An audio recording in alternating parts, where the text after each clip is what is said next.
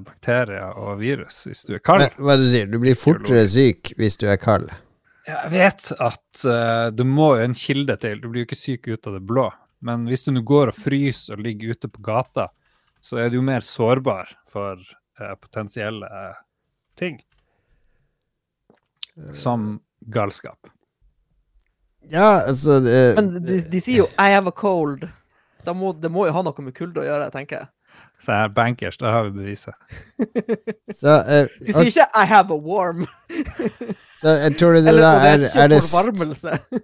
Eh, Hør nå, hør nå. Ja, ja, det heter being cold Eller the cold. I have a cold. Men eh, det, kulde gjør deg ikke syk uansett. Nei, ikke alene, selvfølgelig, men det kan jo være en bidragsytende faktor, er min påstand. Ja, det er det, men er det da f.eks. å stå på Bakgården-festivalen med 5000 mennesker tett i tett som hoster og harker på hverandre, er jo, gjør det enda større sjanse for å bli sjuk enn kulde? Ja. OK. I have a proximity to other La oss si jeg er på Antarktis og er den eneste personen i eh, 50 mils omkrets. Da kan jeg ikke bli Da kan jeg ikke få en forkjølelse, strengt tatt. For du, må, du er avhengig av å bli smitta av noen. Eller hvordan er det? Ja, altså, eh, grunnen til at man blir mer sjuk Nå sitter jeg og leser på facts.com. Ja. facts.com. Nei, det er ikke feil. Det er bupa.co.uk. Eh, der står det eh, Hvorfor blir man oftere syk når man, er, når man er vinter? We spend more time together indoors. Altså, det er ikke kulda, men du flykter fra kulda innendørs, og så sitter man tett i tett og smitter hverandre. Ja. To put simply, cold weather alone doesn't make you ill. However, it can increase your chances of becoming ill. Korrekt. Så er det sikkert flere Ja.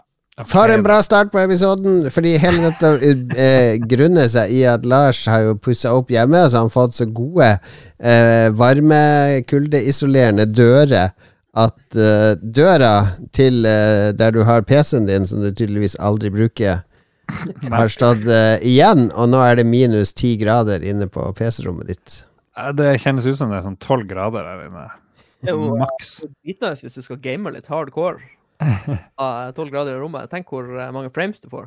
Ja, så nå sitter jeg med skaller, tjukke sokker og pledd og Ja. to ullgensere. Skalla, det er ingen, ingen sør for uh, Kautokeino Samesko. er. Lekre samesko. Det er samesko. Er det sånn der grå med en sånn der snabel som tør opp på en? Grå, det er jo uh, Å ja, reinskinn. Sånn Rein, uh. Ja, med vakker Jeg vet da faen. De er varme som fan. de ser veldig glatt ut, da. Siden det er sånn Ja, det er ikke noe sånn isgreier. Du glir fort. Du kan gå på, du kan gå på snøen på vidda, liksom. men Da jeg var liten, så hadde vi sånne grå sko som så ut som tøfler med blå såle og sånn der eh, sånn tupp opp. Eh, så heter det nei, det var støvler, det. Jeg husker ikke hva det het. Loffa eller noe sånt.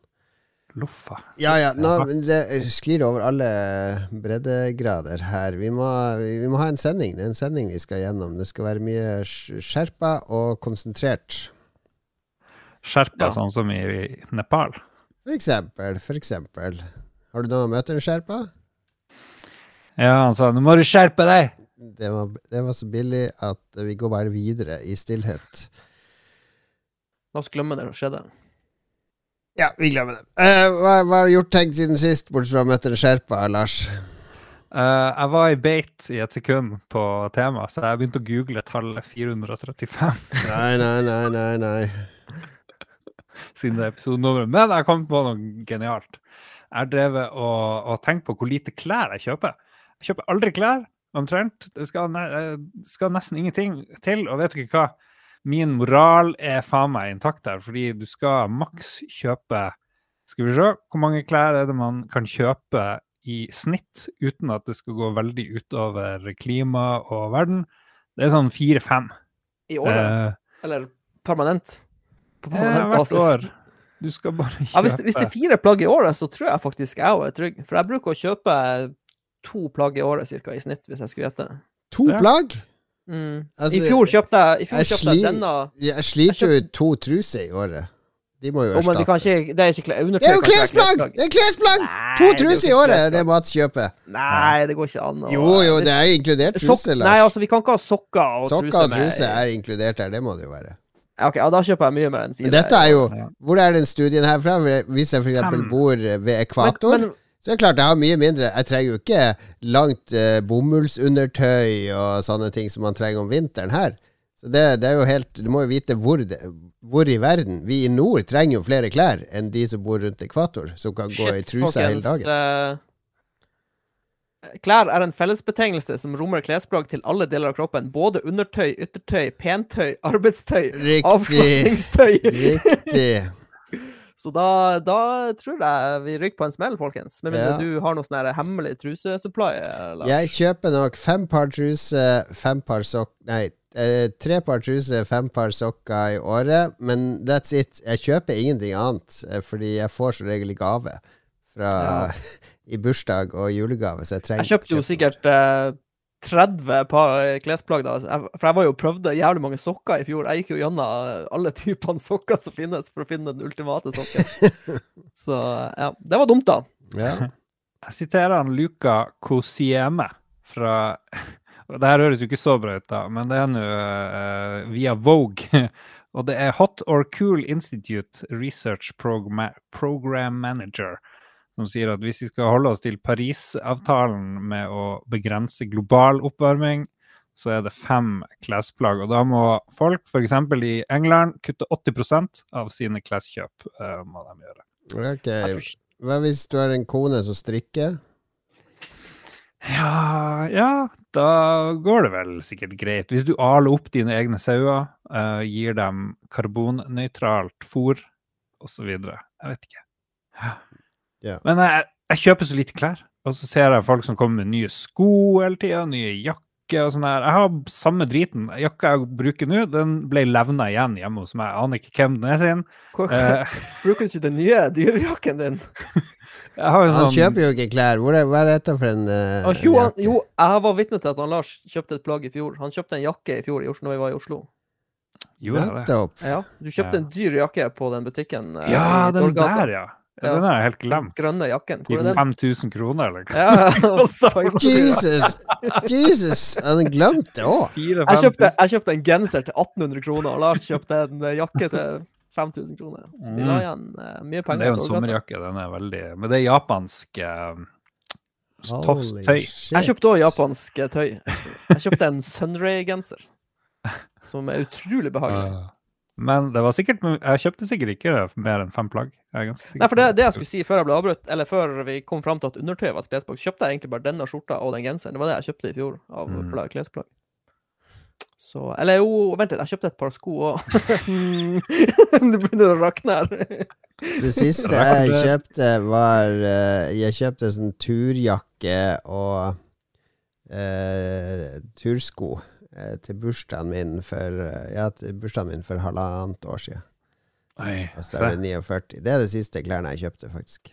Ja, For du har blitt sånn som da du bodde med mor di, bare at nå er mor di er kjæresten din. Nei, nå eh, jeg, jeg har jeg får, jeg får klær i bursdagsgave. Det holder i massevis. Fordi jeg Ja. hater å kjøpe klær. Det verste jeg vet, er å gå i butikk og prøve klær og kjøpe klær. Og sånn. Jeg vil heller at folk, eh, folk kjenner meg, vet bedre enn meg hva jeg burde ha på meg. Jeg har dårlig dømmekraft. Men klarer vi eh, et helt år nå å kjøpe bare brukte klær, sånn at vi ikke bidrar Nei. i det hele tatt? Nei, Nei, kan du ikke bruke Nei, brukte klær? jeg melder, melder meg ut med en gang. Nei, jeg vil ha nye, fine klær. Jeg vil ikke ha noe sånn her Fretex-crap. Hva, hva om far din har Mats, denne dressen her, den, den har vært bra på deg. Nei, pappa, jeg må kjøpe deg egen dress! Altså, jeg kan, jeg kan jeg kan kjøpe Jeg har faktisk kjøpt klær på Fretex og brukt eh, klær fra Fretex eh, og fått klær Ja. eh, i arv. Men jeg har begynt å få sansen for å, å researche Altså å finne ei anbefaling, eller få ei anbefaling på et plagg eller et merke, og så lese litt på det, og så Jeg anbefaler plagget genser.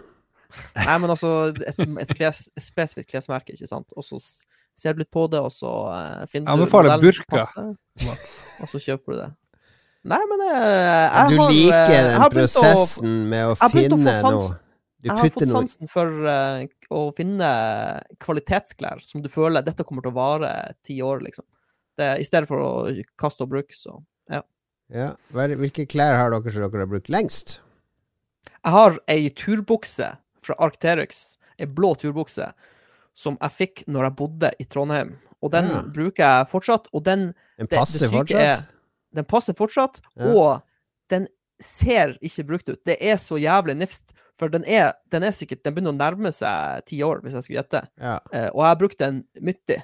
Ti Han Lars år! kan, eh, Jeg, han Lars kan skrive under på det her. Det er Ja. turbukse som blir brukt i det daglige, liksom. Og, eh, og den ser helt ny ut. Så Det er jeg den du har med deg på hytta hvert år? Eh, ja, jo, den er garantert med på hytteturen, for å si Ja. det sånn. Uh, og og det, den burde egentlig doneres til uh, vitenskapen, fordi det stoffet som den er lagd av, burde alle klær ja lages av. Ja, sånn er kvalitet. Det er det, sånn jakke jeg kjøpte meg. Jeg hadde inntil nylig en uh, bokser som jeg kjøpte før jeg dro til Japan i 1999. Oh, nå nærmer vi oss nå! Nå nærmer vi oss nå. Vet du hva, jeg har fortsatt 99. eh, to av skjortene dine fra du bodde på Lørenskog i 99, Lars. Ja, fordi når du flytta i hui og hast, så måtte jo vi ta hele rommet ditt og pakke ned. Det meste ble kasta i diverse containere rundt om i byen. Men, eh, men noen av klærne dine beholdt jeg. Den ene skjorta di bruker jeg fort, fortsatt. Det er fra Lørenskog. Mm. Det eldste plagget jeg har, som jeg fortsatt bruker, en sjelden gang, det er en dongerijakke som jeg fikk i 1986 da jeg var 14 år. En Levis eh, dongerijakke, og den, den er ganske slitt. Det er hull på albuene, og den er litt frynsete eh, nede ved eh, ermene. Men uh, den, den, er så, den er jo genuin ekte vintage. Så når jeg går i den, så, så blir jeg så hipp at det halve kunne vært Den er så hipp at min 22 år eh, gamle sønn har begynt å bruke den på sommeren. Hmm. Jeg har et par eh, sko, skisko og vintersko fra ca. 2002. vet jeg. Det- Men det er ja. godt at vi endra oss, for i episode 312, Lars, da hadde du anbefalingen var å bytte ut garderoben, for da hadde du akkurat begynt å gå ned i vekt, og hadde vært og kjøpt to nye bukser og skjorte, og du anbefalte oh, alle å bytte klær. Så det, man Ja. lærer så lenge man lever, er det noe som heter. Du er blitt vis. Jeg går tilbake, for nå trenger jeg de klærne jeg heiv. eh, Nå må du gå på loftet og hente de her gamle tjukkisklærne dine. Hmm. Fuck. Ja, nei da, men artig å filosofere litt over klær. Og hvis du, kjære lytter, eh, ofte bytter garderobe, så vil vi gjerne høre fra deg. Bare ring han karen her. Hei, dette er Ståle fra The Voice. Når jeg ikke synger på TV, så hører jeg ofte på Lolbua, min favorittpodkast. Hør på Lolbua du òg, da vel. Mats, Nice. Ja. hva er det det her Jeg Jeg skjønner har, ingenting eh, av det du har tenkt på i det siste. Jeg har tenkt på eh, en sak fra nyhetene. Eh, For ca. en uke siden så var det et gruveselskap i Australia som skulle eh, flytte en radioaktiv kilde, eller de skulle flytte masse utstyr, da. Ja. Og så kjørte de ca. 1400 km, og når de kom fram, så oppdaget de at oi, vi har mista den radioaktive kilden. Den ligger langs veien en plass. Oi. De har, mist, de har mista en 8 ganger 6 millimeter liten kapsel med cesium-137, som er veldig radioaktivt. Hvis du sitter ved siden av den i en time, så har du fått ti eh, røntgenmålinger. Så det er liksom, det er ikke bra. Wow. Og så eh, har jeg fulgt litt saken. Nå så driver brannvesenet og folk og driver og går den her ruta med sånn eh, måler og prøver å finne den der eh, kilden. For det er, jo, det er jo farlig hvis noen eh, hvis den setter seg fast i et bildekk, eller hvis noen uh, plukker den Ja, opp. eller hvis det ja. kommer en kenguru og spiser den, og så blir den havner på middagsbordet etter hvert. Ja, for eksempel. Og- kengurukjøtt. på grunn av den saken så ble jeg jo selvfølgelig sendt uh, til Wikipedia, hvor det var en lignende hendelse i gamle Sovjet, i Kramatorsk. Ja. Eh, og da var det akkurat det samme som skjedde. Det var en sånn radioaktiv kilde som brukes industrielt, cesium-137, en sånn liten ampull. Så mista de, de mista den i et steinbrudd. Så klarte de ikke å finne den. Eh, og så ble eh, ampullen med eh, en, noen steiner, og så lagde de sement eller et eller annet, og så bygde de noen hus i en plass i Ukraina. Mm. Eh, Så den lille ampullen ble, liksom, den ble, den ble en del av veggen. Så bodde det en familie der. Eh, og så eh, døde bare det ene familiemedlemmet etter det andre av blodkreft. Eh, jeg tror det var, det var først så var det ei, ei eh, 18 år gammel jente som døde. Og så døde hens, eh, den 16 år gamle broren.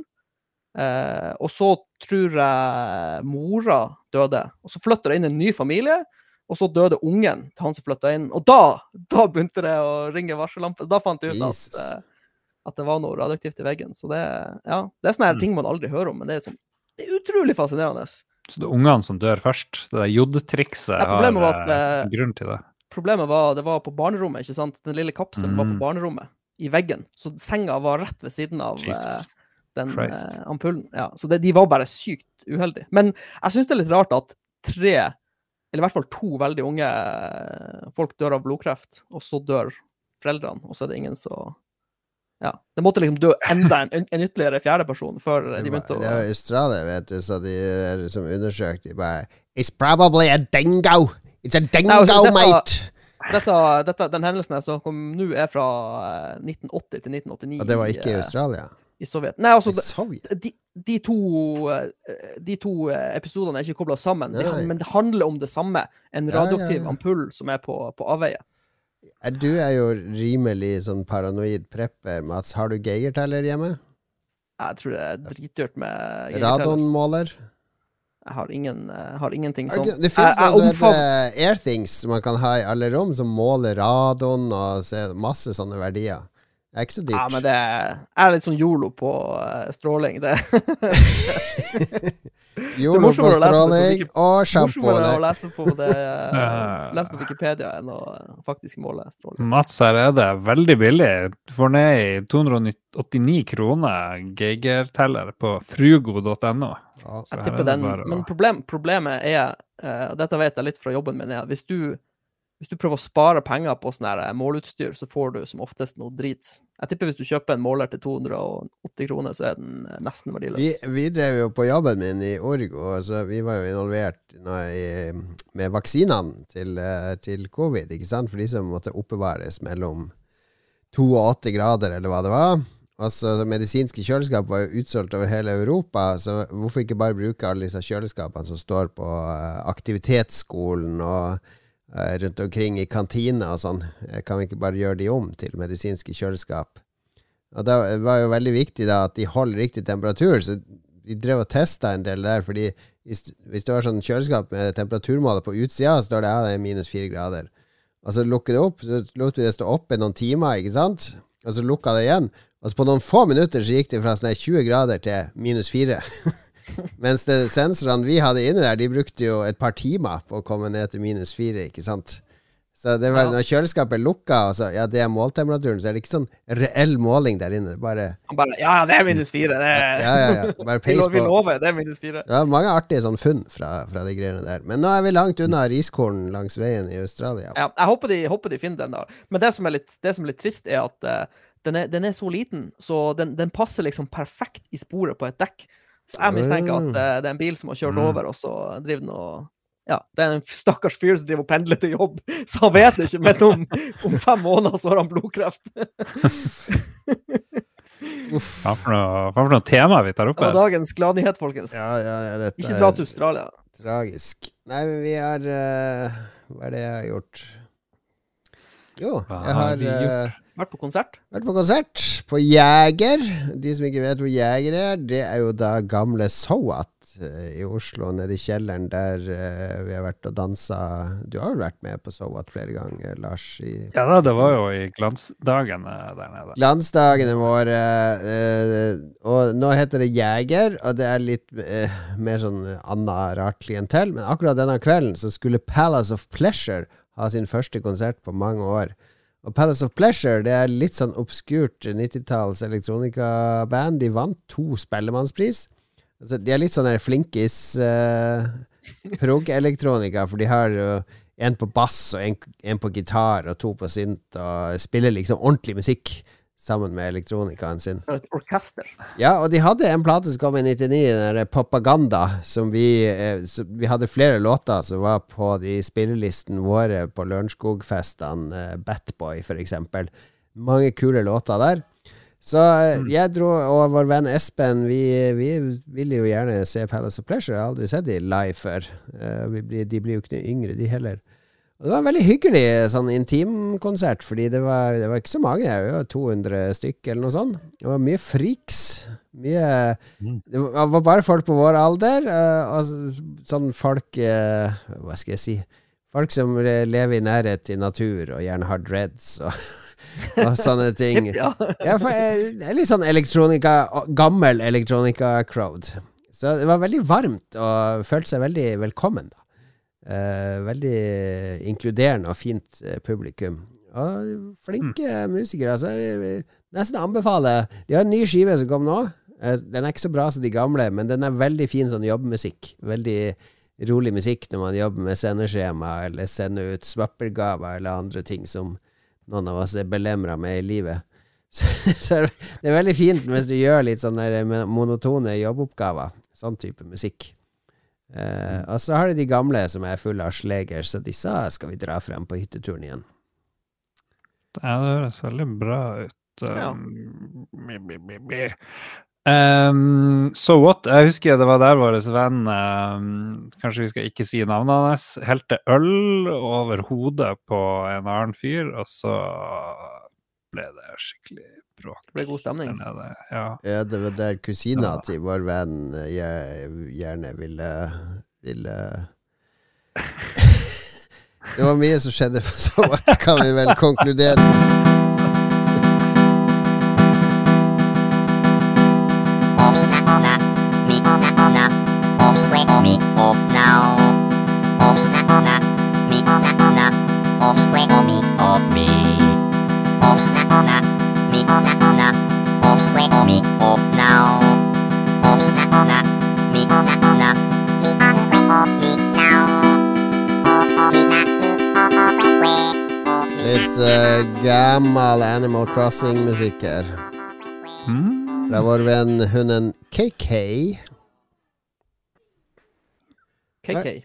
Men vi har ikke spilt Animal Crossing i det siste. Hva er det, det er, hva er det som har spunnet og gått i spillmaskinene og datamaskinene våre nylig?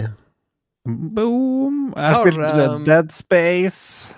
Dead Space, det nye? Det nye Jeg tok og punga ut over 700 kroner for en sånn sliten remake. Kjøpte du det på noe- PlayStation? Noe drit. Ja, ja, ja. Eh, jeg må innrømme, jeg har aldri spilt det. Jeg har liksom later som at jeg har spilt det. Bare sånn for å Det er ikke noe sjokk. Gjelder pose. Nei. Så eh, Men eh, jeg visste jo at du har en sånn eh, Du er en sånn tech som flyr sammen med noen andre til en, en, en sånn herre rommine-business. Det, det er jo en veldig aktuell film, ikke sant. Nå driver vi og snakker om sjeldne mineraler og sånt som vi trenger. Vi driver og går tom Film. Eh, for mineralene.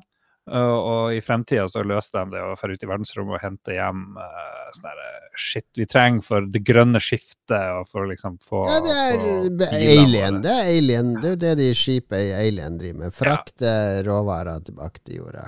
Ja, så er det jo kanskje ikke verdens mest unike eh, plot points her. Du drar til romstasjonaktig sak, og så er det overrun med noe sånn alien shit. Hele mannskapet ser ut til å bare gått geisk geiken. Inkludert kjæresten din, eller kona di, eller et eller annet som er der. Hun doktor, Sam- fru, Samboeren. fru doktor, et eller annet. Åh, det går jo bare Det som er litt merkelig, det er jo at eh, de her teknikerne de kommer frem. De er ute etter åtte måneder i hyperspace, eller hva de har gjort, og så er det ingen lys på romstasjonen, og ingen som svarer. Men de bare Ja, ja! Vi gjør som vanlig, vi bare dokker og ser hva som skjer. I stedet for å liksom begynne å tenke hm, Kanskje vi skal liksom vente litt? Kanskje de sover? Skal vi, eller er det full alien infestation? Det vil jo vi trodd, hvis vi for til en romstasjon. Du har jo ikke så mye valg når du eh, er der ute en million ja. Du vet ikke hva regulariteten på lyset er på den stasjonen, for du har bare besøkt den én gang, så kanskje det er vanlig at lyset er av. Det var sånn Å, der er lyset av igjen! Ja, det er ingen som gidder å svare av de her eh, Ja, 100 ja men kanskje de ikke liker han der Isaac, eller Ja. noen på det skipet. Kanskje det er sånn Så- eh, Ja. B-skip. Det første som skjer, er at du krasjer dramatisk uh, i, i nær dockingbayen. Uh, folk tar det fremdeles veldig med ro. Ja ja, vi krasjer, vi får nå gå og hilse på. Jeg har- Jeg har en prognose. Ja. Lars, har du bare spilt de 20 første minuttene av Dead Space? For du, du er veldig detaljfokusert på Du har ikke engang begynt å spille spillet. Jeg henger meg opp i, i eh, historien her. Jeg vil jo bli uh, Historien av spillet er jo det som skjer, skjer ut i spillet. Det, det, introen er jo uh, irrelevant, Ja, introen er jo bare premisset for det du skal uh... Ja, men hvis ikke jeg tror på premisset Hvis jeg Å, vi krasja i romstasjonen, la oss gå og sjekke inn i bagasjeankomsthallen, liksom. Hva er det slags Vi nolduser går som ikke inn er i? Bagasjeankomsthallen. Jo, det er masse bagasje som står overalt. Og så er det sånn sjekk inn. De bare Ja, vi må gå og sjekke inn, liksom. Men det er jo, det er jo en død stasjon. Du skal jo ikke drive og sjekke inn. Du skal jo gå i full panikkmode og komme deg ut derfra. Men nei da, jeg skal gå ut og kikke. Ja, uansett. Jeg har, jeg har kanskje ikke spilt i 20 minutter, men jeg har ikke spilt så veldig mye mer. jeg har kommet så langt at jeg kan sakke ned tida på fiender. og sånt. Ja, da har du spilt eh, kanskje ti minutter? Nei, det er Hvis du, hvis du, hvis du går bort ifra introen og Ja, la oss si rundt 20 minutter. er Jeg rakk ikke så sinnssykt mye. Men det jeg kan si, ser uh, smashing ut. Veldig ser ut som remaken er en suksess. Uh, irriterer meg at når jeg skal skjære av uh, kroppsdeler til de monstrene, så jeg må jo skyte dem 18 ganger i armen for at den skal dette av. Jeg tenkte at her skal vi liksom bare slice og dice av med bein og Men du vet du kan rotere horisontalt og vertikalt på Yes. Ja. yes. Men eh, av en eller annen grunn så, så er det litt sånn vanskelig. Og så, ja, så kan jeg Så en veldig, veldig stor romstasjon. Jeg driver og går meg vill. Jeg aner ikke helt hvor jeg skal, liksom. Men, eh, og det her kartet, det er litt sånn weird. Så jeg har veldig mye utsette. Terningkast to enn så lenge, mest av de idiotiske folkene som fær i det uh, romskipet. Skjønner ikke at det her har blitt oppskrytt, og det her er liksom kjempeetterlengta. Det er jo det, det D-aktig historiefortelling her, uh, må jeg si. Ja. Enn så lenge. Okay. Jeg lover å spille litt mer, da, selvfølgelig. Det skal jeg gjøre. Jeg kan ikke streame litt? Er ikke det plug and play på PlayStation 5? Mm, jo, kanskje. Ja, det er bare å logge på Twitchen vår altså trykke stream. Det blir jo veldig flaut. jo, jeg skal jo streame tolv spill i 2023. Ja, jeg begynner med Dead Space. Mm. Du, vi er jo snart ferdig med januar, Lars, hvis du skal streame tolv Ja. spill. Så Ferdig bare- faktisk nå, når folk hører denne episoden, så er januar over. Ja. Og da sier folk til seg sjøl, de sjekker notisblokka si, skal vi se tolv spill, første måned X, antall spill null. Jeg, kan røpe jeg har spilt mye mer Marvel Snap enn jeg har spilt uh, Dead Space. Ja, det tror jeg på, men jeg får le av å høre om nå. Marvel Snap. Marvel Det er bare Carl Thomas. Carl Thomas skal være som gjest om to episoder, for da har han fått PlayStation VR2. Han skal fortelle oss alt om Mm. PlayStation VR2. apropos PlayStation VR2, Ja. jeg har børsta støv av mitt VR-headset. Ja, for du har Reverb G2. Nei, jeg har eh, Oculus Quest 2. Quest 2, er det frittstående? Det som er frittstående, ja. Eh, men, men det som er litt kult med det, er at du kan ehm, over Wifi-en koble det til PC-en din. Ja, Så kan du spille skjønte, skjønte. Steam VR-spill. Ja. Så jeg har kjøpt et lite spill som heter Compound. Compound! Compound! Compound. Som er intet mindre enn et uh, hardcore VR rogelight FPS, uh, noe sånt. Altså Det er sånn virvar av sjangre. Men uh, jaggu, det var morsomt. Uh, jeg har jo um, Jeg har egentlig spilt veldig lite VR-spill. Jeg har spilt uh, Superhot, og så har jeg spilt Beat Saber, så har jeg jo egentlig spilt de beste VR-spillene uh, VR har å tilby. Men uh, det som var kult med dette, var at eh, hvor, hvor Superhot er et slags FPS, så står du jo egentlig i ro eh, når du Mm. spiller Superhot. Mens i dette spillet så går du rundt som korridorer. Hvis jeg skulle forklare det um, veldig kort, så er det Det minner litt om Hotline Miami, faktisk. Fordi du har, du har ganske små kart, og så måten du går videre til neste nivå på, er bare å drepe alt på kartet må dø før du kan gå videre. Og så um, velger du litt sånn sjøl hvor, uh, hvor fort du springer, og, eh, og så må du lade våpnene, akkurat Men sånn du, som i du Hotline styrer springinga di sjøl sånn? Styrer, styrer springinga sjøl. Du blir ikke Eh, kvalm? eller du kan, du kan velge, når du først kommer inn i spillet, så velger du om du vil eh, spille sånn locomotion, Ja. eh, eller om du vil ha sånn teleportering. Eh, jeg spiller med locomotion, så den ene, den venstre Lokomotiv. D-paden Ja, som et lokomotiv, Lars. Takk. Eh, så jeg bruker stikker på, eh, på venstrekontroller for å det blir liksom WASD, da, den du styrer, Ja. styrer spillet med. Og så kan du også snu hodet til spilleren med den andre, men det jeg gjør, siden jeg har trådløst headset, så snur jeg meg bare. Så hvis jeg vil snu meg 180 grader, så snur jeg bare meg i virkeligheten. For jeg syns det er mer Ja, for du naturlig står på gulvet og spiller der. Jeg står på gulvet og spiller. Blir du ikke litt flau? Altså, Sånn eh, egen eh, Altså, eh, tenk hvis mora di kommer inn og så Herregud, Mats, du er 40 år. Hva er det du holder på med? Jeg, jeg, har, jeg er så forbi det punktet at jeg bryr meg om hva Ja, jeg blir litt flau overfor uh, Eller ja, ja, litt det- selvbe det jeg blir litt selvbevisst. Fordi jeg har noen unger, de spiller jo Quest 2, og de spiller bare det Gorilla Tag. Å ja. Ja, det kan du laste ned og sjekke ut, for det er sånn okay. multiplayer season, der man er sånne gorillaer. Altså, du beveger deg å altså, stake med armene, som du er med i, i World Cup på ski. ikke sant? Stake sånn vilt, og så skal du henge i en gren og sånn. Og de står sånn stake og stake hele tida. Hadde jeg stått sånn ja, det, det, det, For å si det- an for en Ok, voksen okay, mann å stå sånn. Fyttegrisen! Jeg kan si det sånn, eh, jeg bryr meg ikke så mye om eh, mor og far, men eh, jeg tar ned de plissé-gardinene i stua når jeg står og Ja. veiver. Det gjør jeg. Og La, Tom, nei, og Lars. Lars spiller Hva fant musikken til det spillet?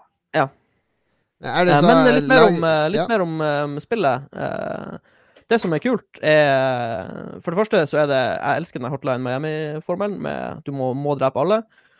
Uh, og så en ting som er så jævlig kult i VR, eh, som Og dette er ting som oversetter litt eh, til skyting i virkeligheten, er at eh, for det første så styrer du hånda di uavhengig av hodet ditt. Så Mm. når du holder et våpen i hånda di, så kan du peive, og du kan ha det nede på hofta. Du kan holde det frem, du kan holde det opp til øyet.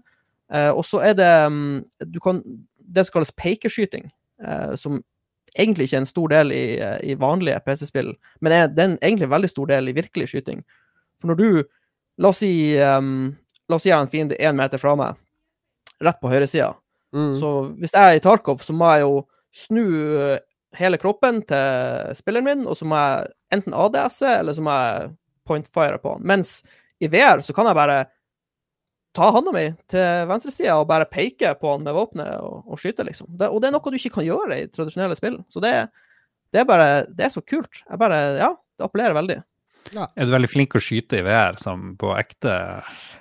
jeg, så langt så er jeg mm, Jeg føler at for det første så er opp, øh, Det er akkurat så oppløsninga er for lav, på en måte.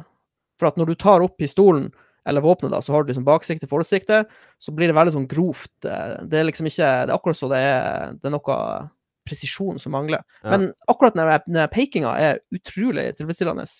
Men så spiller jeg i 50 minutter, og så har jeg dritvondt i ansiktet, for eh, du har et svært headset på, på hodet. Så jeg merker at VR er best i, VR er best i små mengder, så Absolutt. Er, hadde det ikke vært kult med sånne kontrollere med rekyl? Jo, Liksom, eh, og så har jeg sett Får det, litt er sånn noen, feedback når man skyter og sånn. Det- det finnes jo noen sånne hardcore VR-skytespill. Eh, Det en som heter Onward, eller noe sånt. eh, Ja. Og der har jo folk eh, 3D-printa sånne props, sånn at du, du setter liksom 3D-kontrolleren inn i rifle, sånn at du kan holde, holde i rifle, på en måte. Ja. Så det, det tror jeg er jævlig kult. Men, eh, men for, min, for min del, hvis jeg skal spille VR en hel dag, så må VR-headsetet veie en tiendedel av det det gjør nå, eh, og har litt høyere oppløsning. For jeg merker det. Det er derfor dette spillet fungerer ganske bra. For det er, det er sånn 8-bit-aktig grafikk. Det er sånn Doom-grafikk, ikke Mm. sant? Og det fungerer veldig bra med VR-headsetet, for VR-headsetet har ikke den største oppløsninga. Så dette er et veldig sånn naturlig spill for den oppløsninga. Så ja. Terningkast seks eh, foreløpig, men jeg bare spilte to timer. Det er jo, Men- det er jo men ti ganger mer enn Lars har spilt uh, Dead Space. hvis, hvis, hvis, du har, eh, hvis du har et uh, VR-headset liggende, og du ikke har vært borti Compound, så vil jeg absolutt Jeg putta det på min wishlist nå, utelukkende basert på din anbefaling her, Ja. Veldig, veldig billig. Og Jeg er ikke så glad i å stå og spille VR. Det er ikke så mye plass. Ja, du kan du, det, det går fint an å sitte og spille det spillet her. Ja, det føles også litt døvt. Ja, det er ikke som jeg sitter i rullestol og, og kjører rundt og plaffer ned folk. Men, men. Det, det, nå er jeg bare picky, picky. Men det ser veldig kult ut. Kul estetikk, og, og Mm. gøy hvis den skytinga er, eh, er frenetisk. Gøy. Det er utrolig, utrolig tilfredsstillende å ha, for du kan ha ett våpen i, i hver hånd. Og ha en sånn ja. maskinpistol som skyter dritfort i høyre, og så har du sånn svær railgun i venstre, og så bare moser du eh, alle i rommet på to sekunder. Det er stor moro. Ferdig, ferdig. Nå må Lars ta sin obligatoriske eh, Hver gang vi snakker om et VR-spill og sånn Eh, VR tar jo ikke av! Det er jo nesten ingen som spiller VR! Det er husk, det, det har du holdt på med i ti år. Så lenge vi har laget den podkasten, så har det vært ditt mantra, Lars.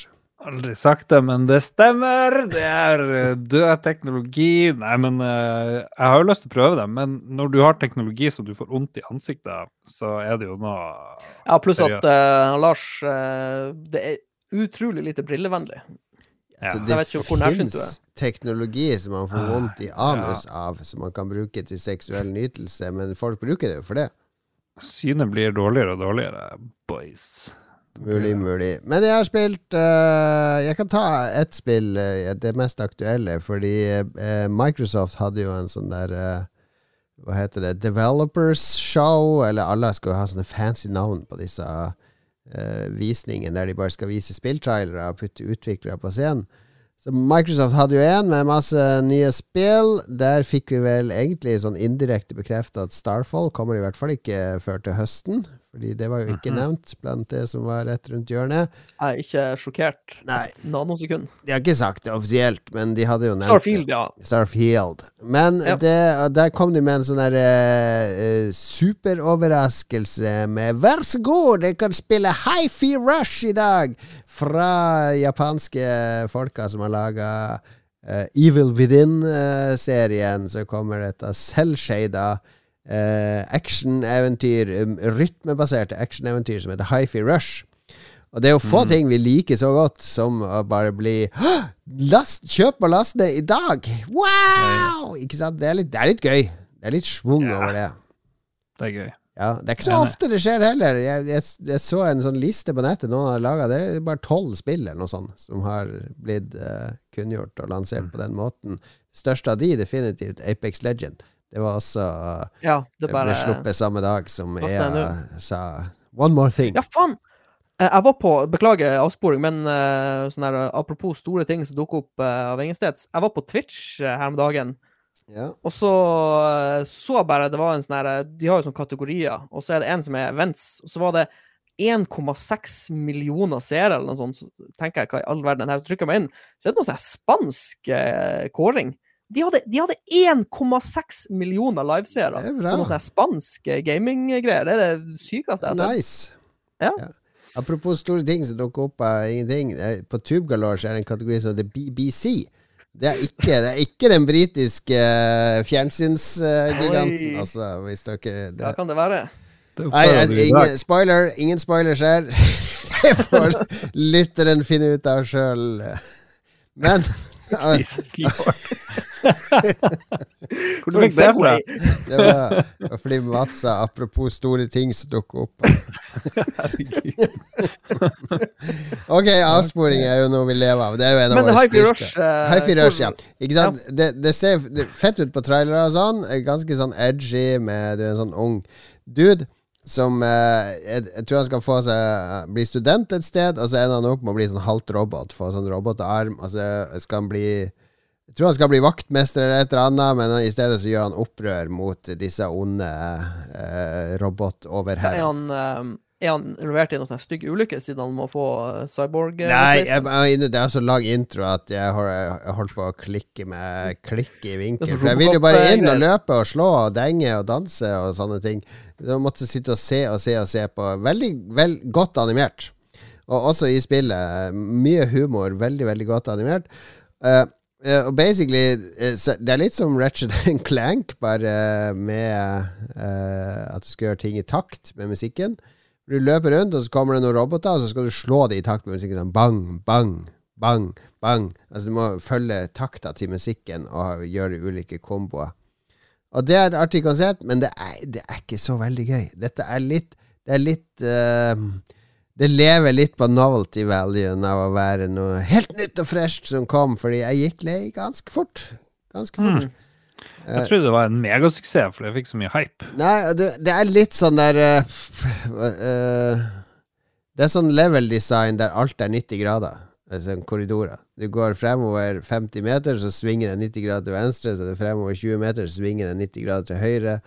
Alt er laga av sånne blå, det, det er lite sånn lekent. Det er lite Det er et eller annet Det, det er laga, bygd sammen av moduler som bare passer godt sammen, uten at det er noe sånn overordna fantastisk noe sted. Så det, det, er, det er et hyggelig GamePass Det er sånn typisk GamePass-spill, så du laster ned, ser bra ut, spiller en time, og så er det glemt. Dessverre. Det er min konklusjon. Men jeg er litt hard her. Jeg er litt hard her. Brutalt. Jeg så det hadde bedre lansering enn Forspoken. Det, det tror jeg kanskje på. det med Forspoken, Jo Cato. Det tror jeg på. Men dette, alle elsker dette spillet nå, men sann mine ord er keiserens nye klær. Herregud, for noen sure gamle gubber vi er nå. Vi slakter ja, Dead det Space.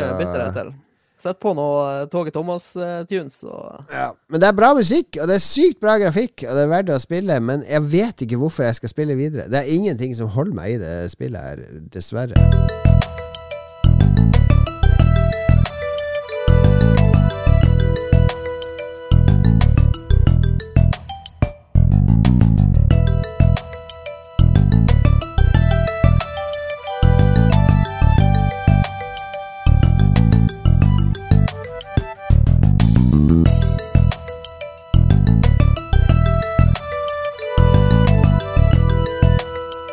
Sikkert mye klager på, på disse useriøse anmeldelsene våre, men sånn er det når vi bare skal spille relevante spill, Lars. Back to the JRPG grind, boy. Du, Nei, jeg vet da faen om jeg gir det en sjanse, men eh, det fenger meg jo ikke i det hele tatt. Det her. Eh, Men Skal være- ehm, skal det være skummelt, det spillet? Ja, skal det. det skal være litt Ja. skummelt. Men det har jo litt med sånn Hvis du, hvis du sitter i i stua, liksom, eh, og det er masse folk rundt deg, og det er en van... Altså, det, det er litt sånn setting. Hvis du hadde sittet på en skrekkfilm, lys dag, eh, folk som driver og går forbi Mm. og gjør ting, og det blir ikke så skummelt, liksom. Du må, du må ha litt rette Ta det her setting. når ungene har lagt seg, få din eh, fru i seng, slukke litt, dempe litt lys, ta på full lyd. Og så slås du mot necromorphs. Necromorphs. Jeg likte Dead Space veldig godt da det kom. Jeg var litt frista til å prøve, men så sa Lars 'jeg tar den', og så tenkte jeg ok, det kan Lars, Lars få. Ellers så hadde, ellers så hadde jeg streama fire-fem timer i helga av Dead Space, men eh, nei, Lars ta den. Dead Space. Men da nå, teit tittel, men eh, å, mens vi er inne på det. Nå er vi ferdig med Dead Space, Lars. Nå skal vi tilbake til 1986. Måneden er oktober, og dette er en mager spillmåned, skal jeg fortelle dere. Bare Jeg, har ikke hørt om uh, noe. Jo, du har hørt om det siste, tredje. OK, jeg har hørt om det siste. Ja. Jo, det har jeg faktisk. Vi skal innom tre uh, På overflaten marginale, merkelige spill er dette noe som kan være årets beste. Men når vi kommer litt under huden på disse spillene, litt under huden, gutta, så vil dere se at dette er jo noe som faktisk hadde vært gøy å teste. Og Vi kan begynne med det første, for det heter Lock On. Lock on! Lock On. Eh, Det handler ikke om, eh, om eh, noe skotsk loch. En innsjø Nei, nei, nei. nei, nei. Det er laget av et selskap som heter Tatsumi. Ikke så kjent. eh, gitt ut av Data East i USA. Eh, det kom på Arkade opprinnelig, det er jo det vi baserer oss på her, men også på IBM PC og Atari SD. Og det er en Combat Flight Simulator eh, litt inn i framtida. Eh, spillet har sånn scaling sprites og litt sånn juksetre, det er fullscreen rotation. Eh, og minner mye om Afterburner, og det er et godt poeng, fordi Afterburner kom et år senere. Så at eh, min, min hypotese er uten dette spillet ingen Afterburner, fordi eh, Yu Suzuki, ikke sant, med Outrun, så tok han alle disse kjedelige bilspillene, som tok seg sjøl veldig seriøst, og bare putta en dude i en Ferrari med en blondine og bare klampen i bånn, susa av gårde forbi alle bilene. Og det samme, han så Lock-On, så tenkte han hm, det her må vi gjøre, fordi Afterburner det er en sånn der eh, oppjassa eh, eh, Don Simpson eh, Jerry eh, Bruckheimer. Don Simpson, Jerry Bruckheimer-versjonen av Lock-On, som er hakket mer sånn eh, lekesimulator. Jeg må bare si med en gang at hvis vi sammenligner Arkadekabinettene, Lock-On og Afterburner, så moser Afterburner. Ja, men de det gjør det, men dette var først. Det er jo en verdi i å løfte opp dette spillet som kom, eh, kom før. Ja, Mm. jeg ser du styrer med en yoke. Det er jo bonuspoeng. Ja, yoke. I stedet for joystick, så har du en yoke. Da må jo du sette pris på En god yoke. Ja, en god yoke.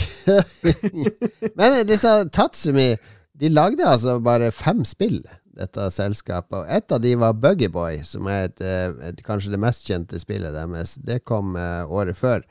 Uh, det, det var kjørte jo sånne jipper som kunne hoppe, og det ble et veldig populært spill. Ellers så lagde de uh, simulatorspill i stor grad. Eh, og noe som heter Big Fight. Så det, det er en obskur, glemt, helt uh, ukjent uh, utvikler som lagde det som ble lagd på nytt som Afterburner etter hvert. Lock on. Jesus. Har du lært noe nytt? Det er dette, litt, det, dette lytterne vil ha. Ikke «Å, Så må du gjennom tollklareringa, så skjønner de ikke, for lysene er ikke på! Altså, det er helt dumt at de går ut av romskipet. Jeg vil bare si at det, det bunner sånn Jeg tror første kartet er sånn ørkenkart, og så tar det helt av. eh, Du drar til noe sånn her eh, isøde med noe røde blodelver i sånn kry kryss, og det ser jo helt vilt ut når du kommer til nivå to. Ja, ja, ja. Nei, det, det, det har noen følelser. Sjekk det ut på YouTube, folkens. Jeg vet at vi har noen spillhistorieinteresserte som hører på, og eh, denne gangen har jeg til og med rukket å få med litt musikk. Her er musikk fra Lock On.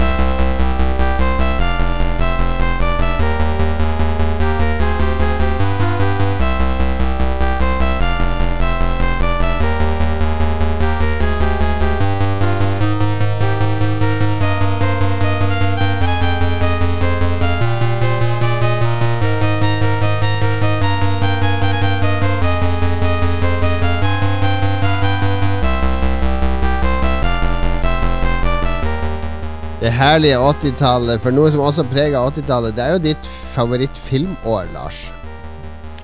Eh, ikke langt unna. Ti år. Ja. Ja, hva- er ikke langt unna. Hva er ditt favorittfilmtiår? Eh, ja, det er mitt fil- favorittfilmtiår. Men jeg tenkte bare er 86 mitt favorittår? da Jeg gikk rett på det, da. Men det er selvfølgelig best i 80-tallet. Nei, fordi eh, Filmene på dette tiåret, ikke sant, de er prega av det er Chuck Norris, Missing in Action, det er Rambo Det er uh, mye loners, uh, soldatkrig Det kom en, Ja, kom en liten uh, James Cameron-film i 1986 som het eh, Aliens. det òg. Det òg. Uh, men Top Gun. Top Gun, ja. Det, men det er, eh, eh, det er en, en krigsromantikk, kan vi si, i mange av disse B-filmene, som spåner veldig mange spill. Eh, blant annet Kommando, Ikari Warriors, uh, Metal Slug. Alle disse er spill med en sånn ensom soldat. Green Beret. Uh, en, ensom soldat som kjemper mot fiendtlige styrker, uh, trenger seg lenger og lenger inn på fiendtlig territorie. Skal gjerne redde gisler, sånn som han gjorde i Rambo-spillet på Commodore 64. Og Jackal er jo et av disse spillene, fordi det var mange sånne her run and guns-spill med militærtema på denne tida. Men Jackal, det er uh, basically så, så er du en elitegruppe med fire soldater i en jeep. Uh, eller de har egentlig en stor varebil, tror jeg det er. Fordi du kjører rundt i denne varebilen. Det, det, det ser akkurat ut som kommando. Du scroller oppover og skyter masse fiender. Men du kjører rundt i denne varebilen i stedet, så du kan plukke opp gisler med, og så, og så videre. Uh, og det kan være to spillere, to jipper, som, som er rundt og kjemper samtidig. Eh, ja, det er rett og slett en original vri på, på Ikari Warriors og alle disse spillene som kom da. Mm, ja, det var mye sånt. Det Du har helt rett. Jeg har aldri hørt om det her eh, spillet her, altså. Check. Nei, det gikk, det gikk også under navnet Top Gunner. så- Ja, Top Gunner. Det er et spill som uh, uh, Jeg har spilt det faktisk, og det er et ganske kult laga spill. Ganske vanskelig. Og så liker jeg også at det minner litt om A-Team, som også var populært på 80-tallet. For det disse fire som er i denne jippen, det er jo han Colonel Decker og han Lieutenant Bob og Sergeant Quint og Corporal Grey. Og på plakaten så er det jo bilder av alle fire, og de ser jo barske ut. Det, vi snakker GI Joe tiåret her, ikke sant? Krig og soldater var morsomt. Ja, det var, eh, det var the hotness. Mm. Nei, jeg har ikke vært borti det spillet her, som jeg innrømmer. Nå driver jeg og ser på box office-listen, USA-filmer da bare, selvfølgelig. Men jeg lurer på 84 er et slags uh, toppår enn så lenge. her. Ghostbusters, Temple of Doom, uh, Indiana Jones-filmen, Gremlins, Karate Kid. Til og med Police Academy er her. Og Beverly Hills Cop. Ja, det er mye Og- bra filmer, absolutt. Artig ting med Red Jackal òg, at det, var, det, var to, det er to varianter av det spillet. For du nevnte Top Gunner, Mats. Det er ikke bare tittelen som er forskjellig, for der, det er noen kosmetiske forskjeller òg. Uh, Jippen din i Jackal den har et gult og blått flagg. Ukraina? Eh? Det, det visste jeg allerede i 86, men i, i Top Gunner-varianten så er det et amerikansk flagg, og fiendeleirene har vietnamesiske flagg i, eh, i Top Gunner-varianten. Eh, Litt kontroversielt i dag. Jeg hadde ikke hørt tort å være så direkte i dag. Ja, kan faktisk ikke noe sånn huge her. Ja, vi har ett spill igjen. Um, hm. Vi har ett spill igjen, men vi skal også ha litt, selvfølgelig litt musikk fra Jackal eller Top Gunner, eh, hvis du var veldig USA-patriot.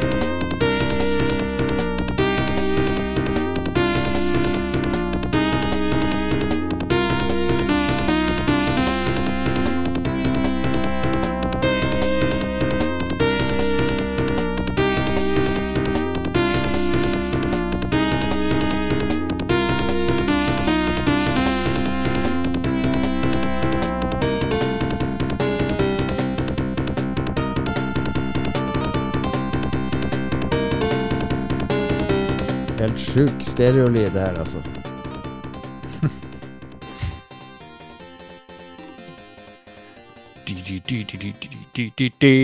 For de som savner det, så kan jeg informere om at eh, area code 435 i USA er til eh, the state of Utah.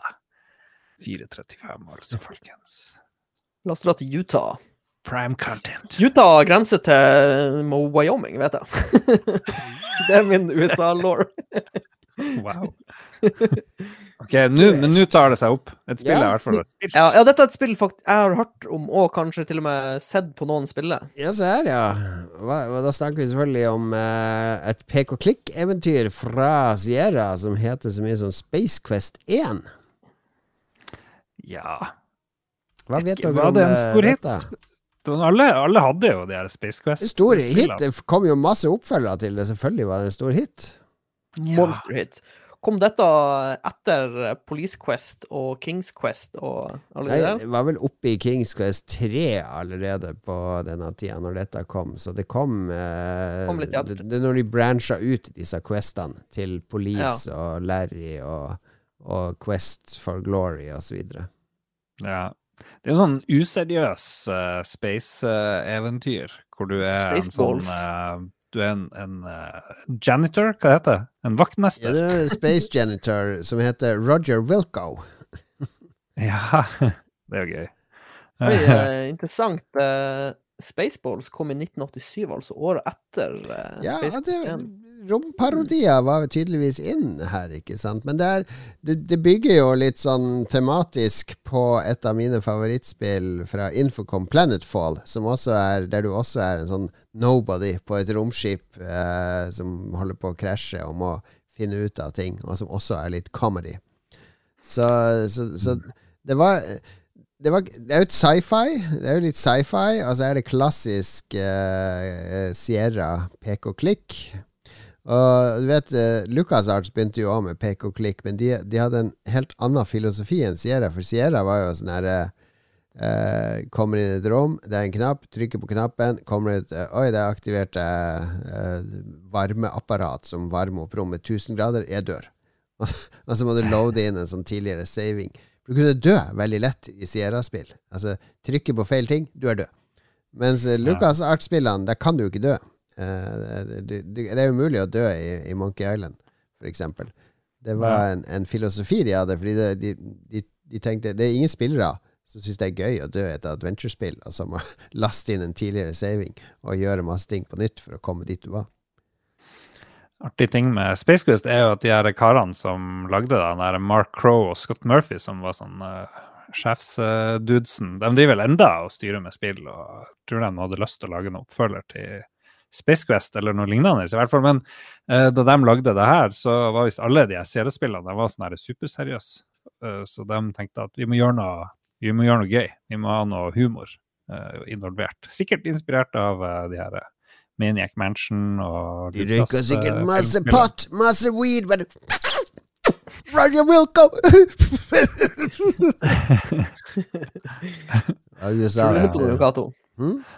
Ja, jeg tror du er inne på noe. Ja, ja, ja, helt klart. Men var det en stor hit? Eh, Det står her at total sales are believed to be around 200 000 to date. det var mye, Um, mye i den tiden. Nei, Mens Kings Quest 3 solgte 3 millioner eller noe sånt, så det, du kan jo ikke sammenligne der. Det første var jo sånn EGA-spill og så videre. Men det, det, det ble jo remaka òg. Kom ut i 1991 med opp, oppgradert grafikk. Og det er nok den vi har Mm, spilt. Den spilte jeg på Ja. Amiga, husker jeg. Jo da.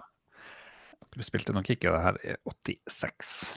Og litt musikk fra Space Quest, og så må vi kåre årets beste spill av disse No. tre. Og denne musikken her jeg, Noen har hørt på eh, sett Star Wars og Star Trek, for å si det sånn.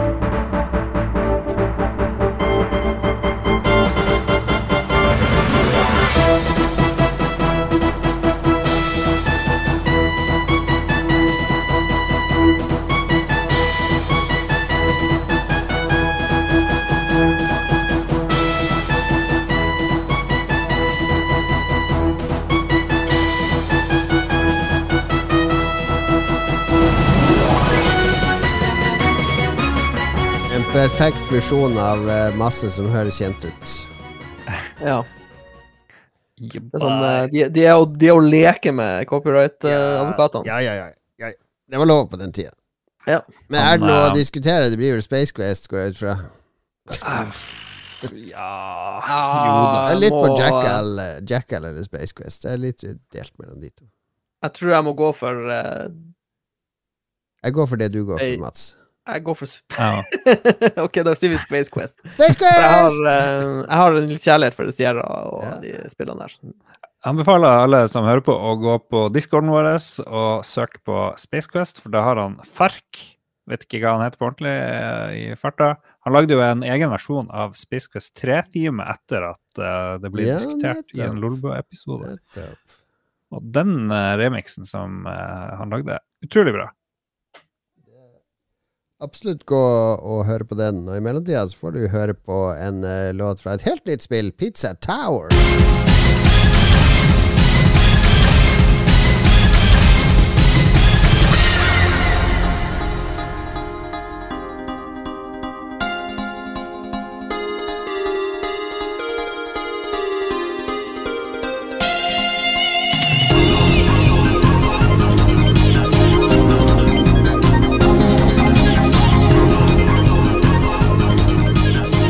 Pizza Tower har jeg faktisk spilt. Det kom uh, bare for noen dager siden. Men det kan vi snakke mer om i neste episode.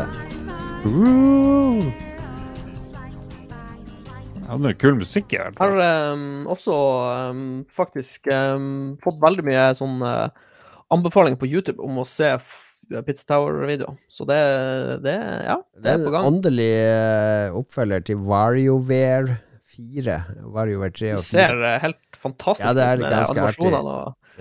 Men ta det neste gang. Det neste gang. Ja. Nå skal vi over på anbefalingsspalten. Og der har jeg allerede teasa på Snapchat hva jeg skal anbefale til, eh, til Snap-gruppa vår. Fordi eh, i, nå i 2014 20, Nei, hva er vi? 2023? 2014. Åh, seniliteten. 2023 er det, og Aftenposten begynte nå Jeg abonnerer jo på Aftenposten, betaler ågerpriser for å få en liten avis eh, på døra hver dag. Hva det koster å få en 660 spenn i måneden. Holy shit. Ja. Men for fysisk avis, ikke sånn der nettavis. Skal aldri stole på det som står på nettet. Vet du. Det er fake news overalt. Når det er trygt, og brukt penger på å faktisk trykke det, så stoler jeg på det. Det er. Lars, hva du har å si til dette? Nei, du må ikke stole på noe. Det er noe psykologisk med at det, du holder noe som er trygt i hendene. Det, at det er, det er noe mer varig. Fordi jeg kan Jeg lover, jeg lover deg at det er en sånn fyr som har trippelsjekka det den siste gang før det går til pressa, liksom. I stedet for når det er sånn her publiserer på nettavisen, Det er det sånn Ja, det er ikke så farlig, vi bare endrer Nei, det. og det, det, det, er bare, det kan vi bare oppdatere hvis det er feil. Ja, ja, ja. Så når du går inn og ser en artikkel, så Å, eh, kjære kone, kom og se på den artikkelen her, det står det og det. Så, Nei, det står ikke det her. Hæ? Hæ? Ja, sist oppdatert for tre minutter siden. Det, det er jo sånn så dataspill òg, når du ikke kunne patche dataspillene, Ja, så måtte du være supernøye. Ja. Nei, men det, jeg har fysisk avis fordi jeg liker å lese det. Det gjør jeg faktisk. Ikke hver dag, men eh, ofte så blar jeg i den om morgenen, og så noen ganger på ettermiddagen. eh, etter middag. Og, og i helgen så liker jeg å lese, for de har ofte mye bra innhold i helgene. Og på lørdag så har de begynt med sånn lite hefte, det er 24 sider, da, men det er liksom i sånn magasinformat så, med kryssord. Og, og litt oppgaver og noen sånne koseartikler. Og der er det fem kryssord, og det begynte jeg å løse her om dagen, fordi jeg måtte jo ta T-banen, og sykkelen min var på reparasjon. Da tok jeg med på T-banen, satt jeg og løste kryssord på T-banen. Jeg følte jeg meg 50 pluss. Jesus Da er du 50 pluss. da er det 50 pluss. Eh, men så har jeg sett at kona mi òg har begynt å løse, så nå ligger det kryssordbladet sånn fast inne på doen nede. Så vi sitter begge og løser samme kryssord og hjelper hverandre når vi er på do. Eh, og det er det er noe veldig Det får du ikke til med det der digitale blekka di, Lars. Digital kryssord. Det, Nei, nei, nei. det blir ikke det samme, ikke sant? Det er noe med å fylle inn disse feltene manuelt. Så eh, kose meg med kryssord. Det er akkurat passe vanskelighetsgrad for meg, de kryssordene i Aftenposten-bilaget. Mm. Vasker dere hendene før dere liksom begynner å ta opp, ta opp penna, eller er det full shit?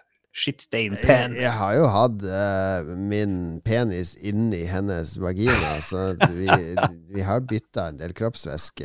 Vi er ikke så, så redd for det. Pluss at uh, Jeg vet ikke hvordan det er når du er på do, Lars, men eh, mens du sitter og driter, så er det ikke så mye som skjer med hendene jo, dine. jo. Jeg roter i anus hele tida. Du sitter og tar, du sitter og tar imot og demper, så du ikke skal splæsje i Det kan jo være at Lars har veldig sånne hoven, hoven pung, så han må holde, holde, dra pungen litt fram Mm. med hendene, så at uh, avføringa skal få fri. Det, det er, det er kommer i veien. Det har, har dere hørt om Jan Thomas-måten å tørke seg i rumpa på? Han Nei. tørker seg jo mellom beina. Eh, Mm, altså vanlig, vanlig mannemåten er jo ikke sant å løfte den ene skinka, og så går du ned med høyrehånda og, og, og gnir, gnir deg i sprekken med papiret. Mens Jan Thomas han skrever veldig mye, og så tar han og løfter pungen og penis opp, og så tar han hånda da Skal imellom skal beina. kom- beina. Skal jeg komme med sjokkerende avsløring? Ja, du, jeg vedder på at du tørker deg sånn. Nei. Å, nei. Jeg tørker meg alternerende foran og bak. Wow. Jeg tar først, tar først bakfra, og så bretter jeg, og så tar jeg først blir du tatt bakfra, og så og så foran. Nei, jeg syns, jeg syns det er jeg, syns, jeg tror det er viktig. Ikke sant? Det som At du eh, går først ned på sida med løfte rumpeballen, og så tar du Jan Thomas mellom beina? Ja, jeg bruker, jeg, jeg bruker begge deler. Jeg syns begge fungerer. Ja, okay, jeg liker, ja. ja, jeg liker å Og Det er mye styr for meg der, for jeg må jo ha to hender for å holde unna penis og pung. Eh, sånn at jeg må ha hjelp når jeg skal ned og tørke der. Du å få inn en assistent. Nei, jeg har um, uh, Men, men sitter dere når dere tørker? Ja. For dere Eller vet ja, at det, ja. dere vet det er en gruppe som røyser seg og jobber. ja det, hva- Åssen gjør du det, Lars? Nei, jeg sitter bare og sitter, Jeg tar ett tørk, og så kjører jeg på med vann, og så tar jeg Ja, for du har avslutning. vannet, ja. ja hadde, hadde jeg hatt Lars sin do, så hadde jeg brukt vannet Mm. all day. Ja, Det hadde jo jeg òg. Men det er, det er noen som faktisk røyser seg opp når de tørker. Det, de har jeg, jeg, vet ikke Jeg kjenner ikke noen i virkeligheten som gjør det, men jeg har hørt, lest på internett at det, det er visstnok en betydelig andel som eh, Ja. Nei, men det er kryssord Kryssord! Men for, jeg har jo jeg har dessverre i et svakt øyeblikk gått med på å få Aftenposten kun torsdag, fredag og lørdag, og jeg sliter veldig med å komme gjennom 10% av de, eh, de avissidene der, altså. Hvor mye Du får hver dag? Mm, jeg Hvor mye klarer du å få lest? Det er ikke noe på søndag lenger. Nei, nettopp. Ja. Hvor mye klarer du å få lest? Lørdag, lørdagen så leser jeg alt. Jeg liker det lørdagskulturbilaget. Det Mm. leser jeg ofte. Og fredagen, det A-magasinet, det får du bilde av meg. Men fredagsavisen syns jeg også er bra. Men de ukesavisene, der er det jo å skumme litt overskrifter og lese de sakene som interesserer. Jeg syns det nesten er for mye av de der torsdag, fredag og lørdag-greiene, altså. Men eh, jeg vil jo støtte Aftenposten, men jeg tror det holder for meg med digitalt, altså. Ja. Coming up. Men uh, kryssord Jeg har en tante som var så glad i kryssord, og så har jeg av og til kjekke på kryssord og sånn, men det, det er sånn eget vokabular. Det er liksom sånne rare vendinger, og ikke rare, men Det er sånne egne ord som går igjen i kryssord, som du må, bare må vite om. Hva er det de tenker på nå, liksom? Ja, det er litt forskjell fra hvem som lager òg. Fordi han, eh, det er en som lager sånn ekspertkrysser i Dagbladet, som mamma bruker å løse. Og han er meget uh, kreativ med å lage sånne uh, Mm. 30 uh, bokstaver lange sammensatte ord. Ja, det er gøy. Ja, jeg tenker Jeg tror Inkasso, f.eks. Ikke sant? Hvis, Ja. hvis jeg skulle satt meg ned og løst kryssord, så setter jeg pris på at det er litt sånn idiotnivå på det. Eller litt sånn eh, ja, Mm. eh, allemannsnivå. Det er noe som heter Donald-kryss, Mats. Det er et bra Ja. sted å begynne hvis man er nysgjerrig på Det er nok eh, rett opp min gate. Ja. Men eh, anbefalinger fra dere, da? Har du vært i Finland, Mats, eller? Jeg vil anbefale en person-skråstrek YouTube-kanal eh, som har eh, gitt meg mye glede her i livet. Det er en kis heter Vati. Eh, han har en YouTube-kanal som Han må være Vati finsk. Jeg vet ikke nasjonaliteten hans. Han er sikkert finsk. Men eh, han er Dere har sannsynligvis eh, hørt stemmen hans, for han, han var involvert i promomaterialet til Elden Ring. For han er intet mindre enn uh, lawmaster av alt som From Software har lagd. Han er Mm. sykt god på law om Dark Souls og Elden Ring og Demon Souls og alt. Han har liksom satt seg skikkelig inn i det historien. Og så lager han videoer hvor han utdyper eh, lawen da, til disse spillverdenene. Eh, og ja, rett og slett, eh, hvis du har lyst til å, å bare lære mer om eh, de spillverdenene, så er hans YouTube-kanal et latterlig bra utgangspunkt. Til Vidya? Du kan også støtte han på Discord, ser jeg. Det er det han egentlig lever av. Ja, han må sikkert ha penger fra Patrion eller Discord eller et Mm. eller annet. Ja. Men han er, han er jævlig Han har utrolig Han har behagelig stemme. Han er veldig flink å forklare øh, de her opprinnelseshistorien og Han har Ja. over 2000 patrons, så han slår oss ned i buksen. Nei, men han er, han er en flink fyr, og så bryr han seg bare. Han er, ja, han er bare skikkelig engasjert i materialet. Så øh, ja. Jeg husker, jeg har jo sett på han lenge. Jeg har jo sett masse Dark Souls-videoer som han har lagd, og så har jeg glemt han litt av. Og så Ja. fikk jeg han plutselig opp igjen i feeden min, for han driver jo, han driver jo kontinuerlig lager innhold, da. Så nå driver han og kjører på med Elden Ring-videoer. Så hvis, Nice. du, hvis du har lyst til å bare lære litt om, eh, om de her verdenene Men er det offisiell law, er det det du sier? Nei, altså eh, Ja, eh, alt han Eller noe er sikkert tolkninger eh, av Men han er veldig flink eh, å, å eh, informere om når han driver og gjetter vilt. Eh, men han er Ja. eh, 90 er sikkert eh, legit law, og kanskje resten er tolkninger. Mm. Mm. Men han ble jo Han er jo faktisk Han var så um, Jeg tror jeg tror han var involvert i noe promomateriale på de offisielle Bandai Namco-YouTube-kanalene, hvis jeg ikke husker helt feil. Han er i hvert fall han er tatt inn i varmen, for å si det sånn, da. Så Mm. han er Han har fått stempelet. Ja, han var med og lagde den der uh, The Abyssal Archive, ser jeg her. En sånn artbook fra Ja, ikke sant? eh, Demons eh, Fra de Ja, er- Souls-spillene som koster hvis, 100 hvis man euro. skulle, hvis man skulle uh, dratt ut en person eh, på quiz-teamet ditt som ikke er han Hidetaka Miyazaki, så tror jeg han Vati er fyren du har lyst til å ha på laget ditt. For han kan, han kan sikkert mer enn en han som har lagd spillet. òg. Ja, det er jobben hans å kunne Elden Ring og From Software. Jeg, Men ja, bare en liten lett eh, YouTube-anbefaling her. jeg ser nå at du kan uh, Den her har jeg vært og kikka på, for det er Tuna Fairweather som lager sånne fine bøker. De har noe som heter Abyssal Archive, The Mythology of Dark Souls, som jeg har vært og snust på før. Som er to eh, tre veldig forseggjorte, flotte bøker fulle av art og tekster eh, om eh, Dark Soul. Eh, Ja. som eh, liksom De ser så lekre ut, men det koster 180 euro for den pakken med tre pricey. bøker. Ja, det er dyrt. Sykt dyrt. Det frister. Jeg må innrømme det. Det frister. Jeez Louise. Bare å cancele Aftenposten, så har du råd. Mer enn råd. Ja, ja. det er sant. Det er tre måneder med Aftenposten.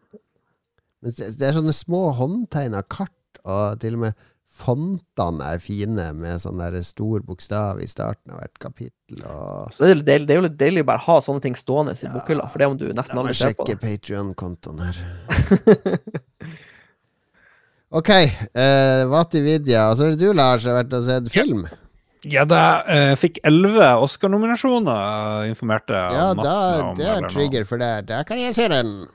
Da kan jeg se den. Nei, men det Jeg vet ikke om den fortjener elleve Oscar-nominasjoner, men det var veldig Ti, da? gøy å Eller 9? se Hæ? Ni, da? Ni, elleve? Ja, kanskje en syv-åtte. Syv-åtte. Vi, jeg og Mats og Trond og kjæresten min eh, delvis, så Everything Everywhere All At Once. Ja. Det er jo Michelle Yeoh Yo. i, uh, Yo. Yeoh i hovedrollen. Jamie Lee Curtis er med. Ja. Uh, I en fantastisk rolle som en liksom bitter uh, Byråkrat. dame. Men det, det, det, det er den mest sprudlende filmen jeg har sett på veldig lenge, fordi den foregår over mange, mange univers. Eh, hun Michelle Yeoh hun blir kasta inn i et sånt her enormt eventyr. Hun driver en sånn vaskeri med sin mann Ja. og har en datter som har litt trøblete forhold til. Og plutselig, så, på, når hun er på, hos eh, skatteetaten, så, så kommer det, skjer det ting. Og hun driver og, hopper rundt i univers. Det er martial arts, det er eh, syke parallelle univers, det er ulike stiler. Det er sånn Von Carvai-stil i noen sekvenser, det er animasjon, det er eh, Ja, det er Er lekent. veldig lekent. Eh, mye humor, mye følelser. Og den tar helt av, den filmen. Det er nesten umulig å beskrive den. Uh, den har referanser til masse andre filmer og ting og tang. Varer kanskje litt lenge. Uh, har ikke lyst til å spoile så mye, men veldig mye bra action. Eh, men at den er nominert til elleve Oscar, beste film, beste regissør, alt det der er det, den er ikke så bra liksom? som 'Danser med ulver'. Den var nominert til 11. Nei, den Den er litt ikke- hakket under 'Danser med ulver'. Ja, Nei, det var en veldig morsom film. Jeg, jeg koste meg. Jeg syns den var eh, Den var Og det, det som det som gjorde at puslespillet falt på plass, og jeg forsto så mye mer, var når jeg kom hjem og så For jeg hadde egentlig Med vilje hadde jeg lest veldig lite om filmen. Jeg ante Mm. egentlig nesten ingenting om den. Eh, og så kommer jeg hjem og så sjekker jeg opp regissøren, og så ser jeg ja, det er han som har lagd Swiss Army Man. Jeg bare Å! Det forklarer så mye! Det er disse crazy indie-regissørene som der det, det digitale har kommet så langt at de kan egentlig gå amok i ulike Ja, retninger. ja.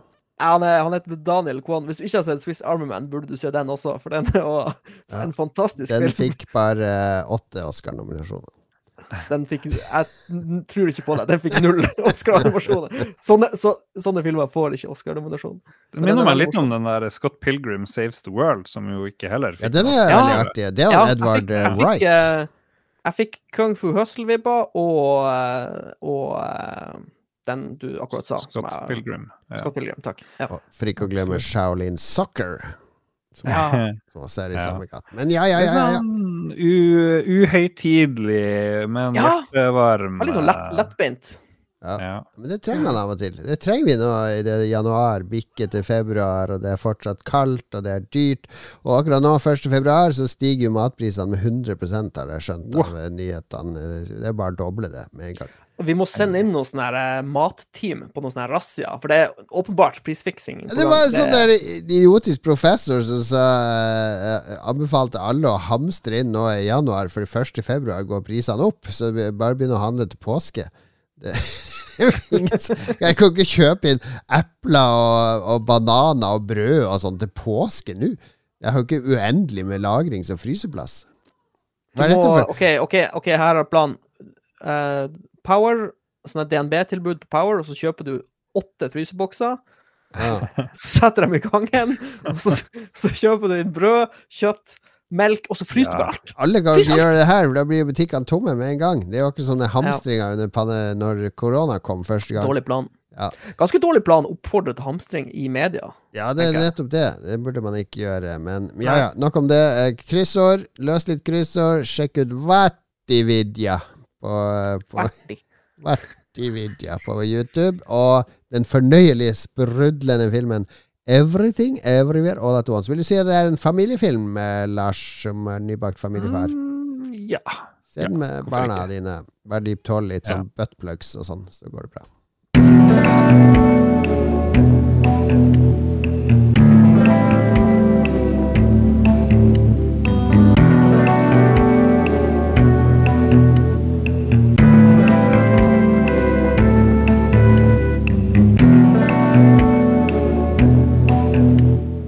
Kan ikke kødde med buttplugs. Altså. Det, det slang ikke inn, det er helt random.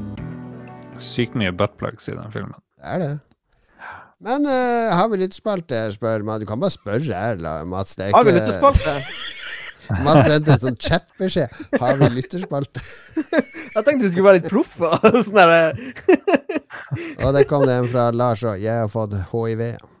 Takk, jeg takk. er helt Ok, Har vi jeg- lytterspalte, Lars? For jeg så det var Ja. lagt ut en post fem minutter før jeg starta opptaket. Ja da, vi, Jeg, eh, jeg, vi faktisk, den Facebook-algoritmen min er så dårlig at jeg får ikke opp det han Lars gjør engang på uh... Mm. God damn it, Facebook.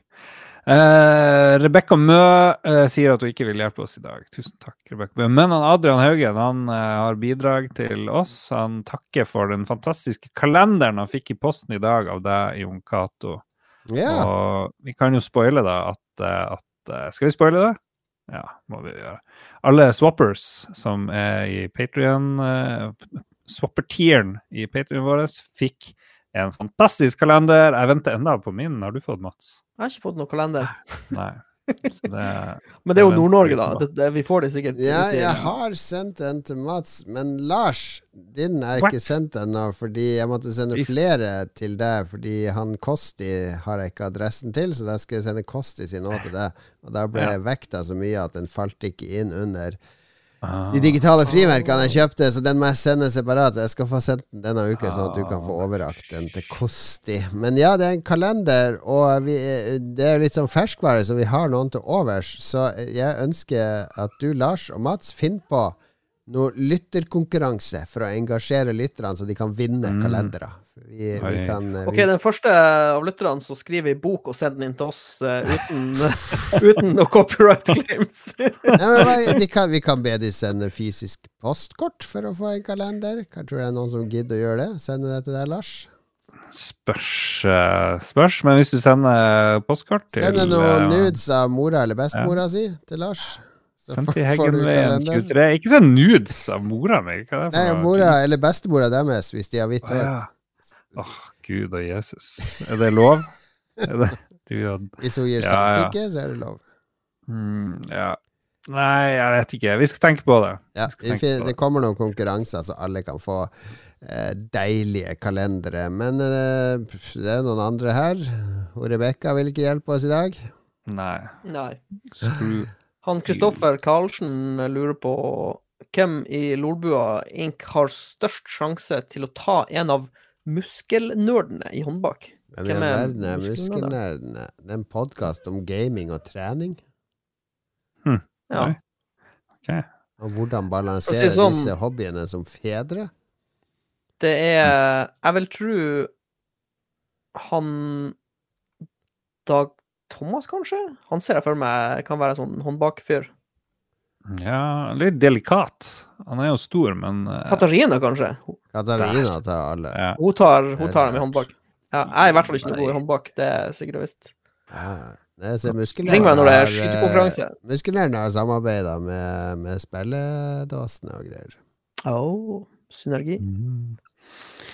Um, Stian Mæland sier at i helga fikk vi bekrefta at kjernen i senteret av jordkloden vår roterer saktere og saktere, så filmen The Core var altså ganske realistisk allikevel.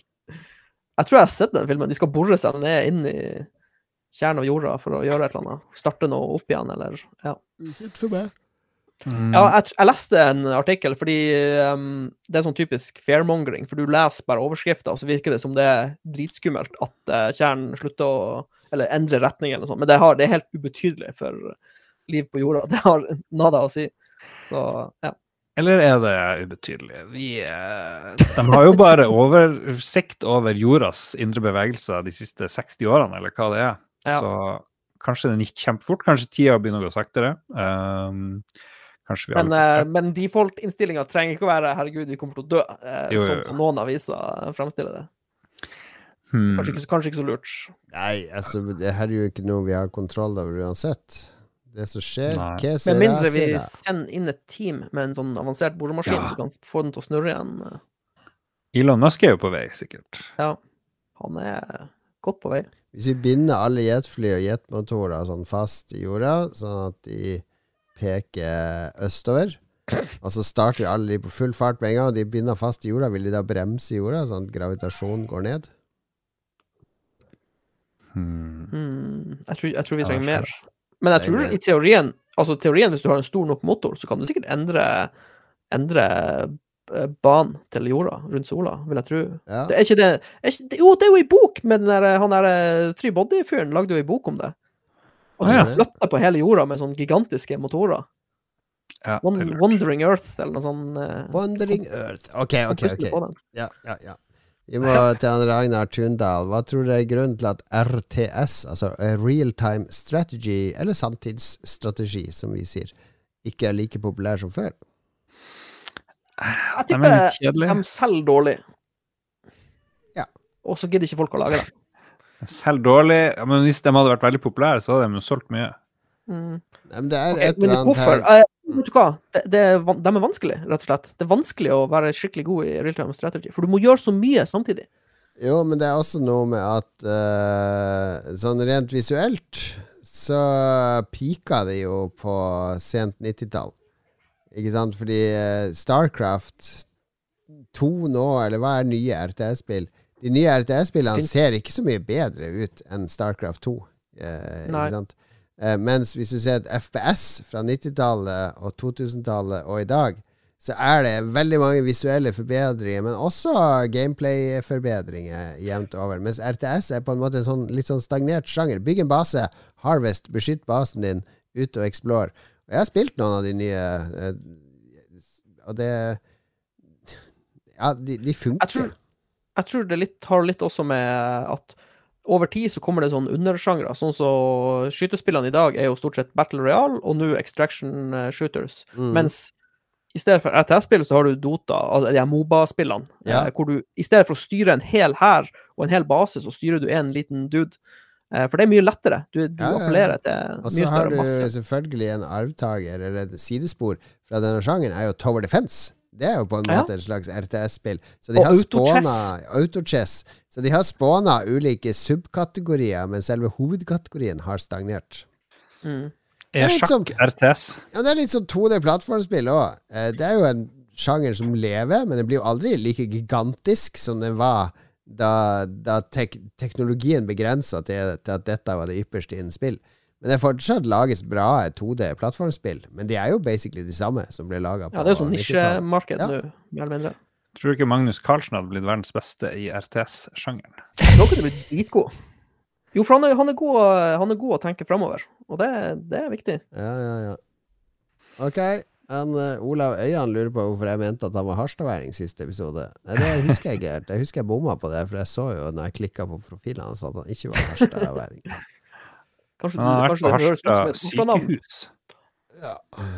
Det er jeg òg. Arnværing forblir vesteråling på sin hals, selv en utflytta en, sier han. Det er lov. Det er lov. Um, Magnus Eide Sandstad sov på sofaen da spørsmål ble stilt. Eh, og så fikk vi ekstra spørsmål fra Stefendish Rønstad. Hvilken reality-TV-serie skal Ståle være med på etter at han vinner The Voice? Kanskje Farmen? Hva er naturlige overgangen fra The Voice, da? jeg, tror jeg kan være med på Good Luck Guys, som går på Amazon nå. Den er, jeg driver Jeg har slutta å se vanlige TV-serier men reality. Jeg skal bare se reality. Dette er Dette er det morsomste jeg har sett, for det er bare utskudd i den serien. Altså Det er bare de rareste influensere og Paradise Hotel Rejects og Frøken Norge. Og, og en som lager russelåter. Ikke Tix. Spoiler.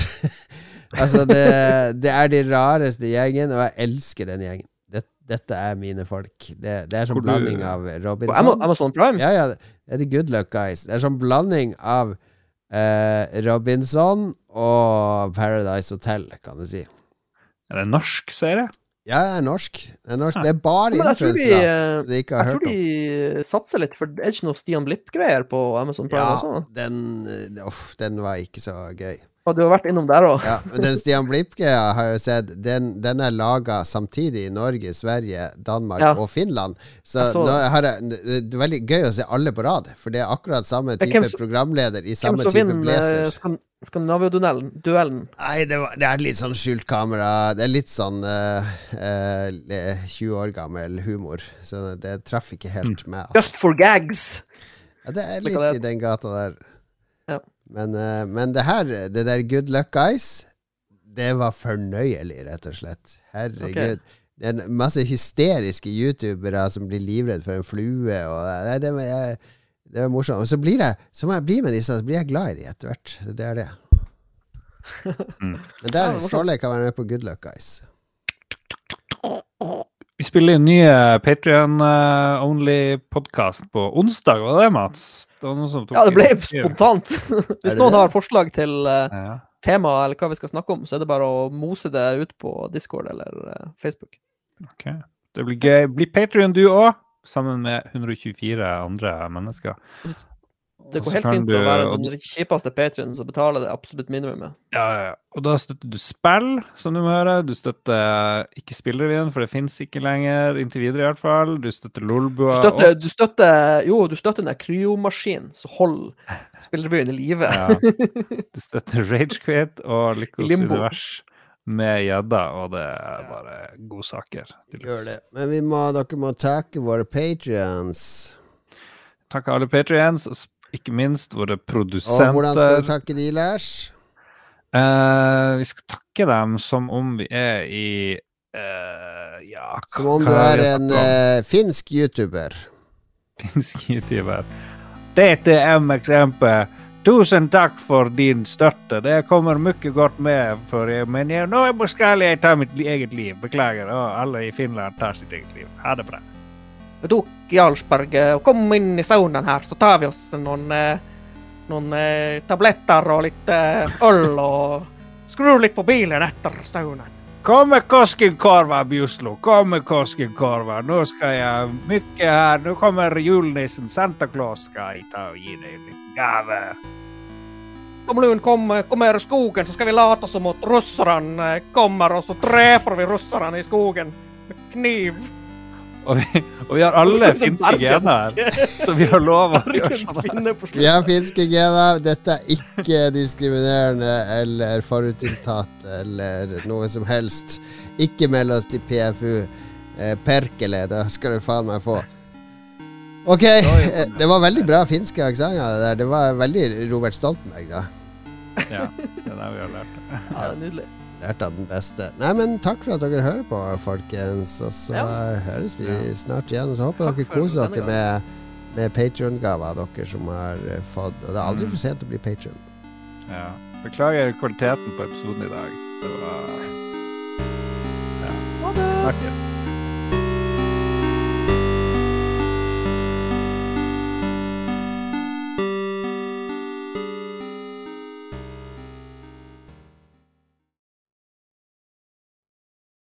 Har du et enkeltpersonforetak eller en liten bedrift? Da er du sikkert lei av å høre meg snakke om hvor enkelt det er med kvitteringer og bilag i fiken, så vi eh, gir oss her, vi. Fordi vi liker enkelt. Fiken superenkelt regnskap.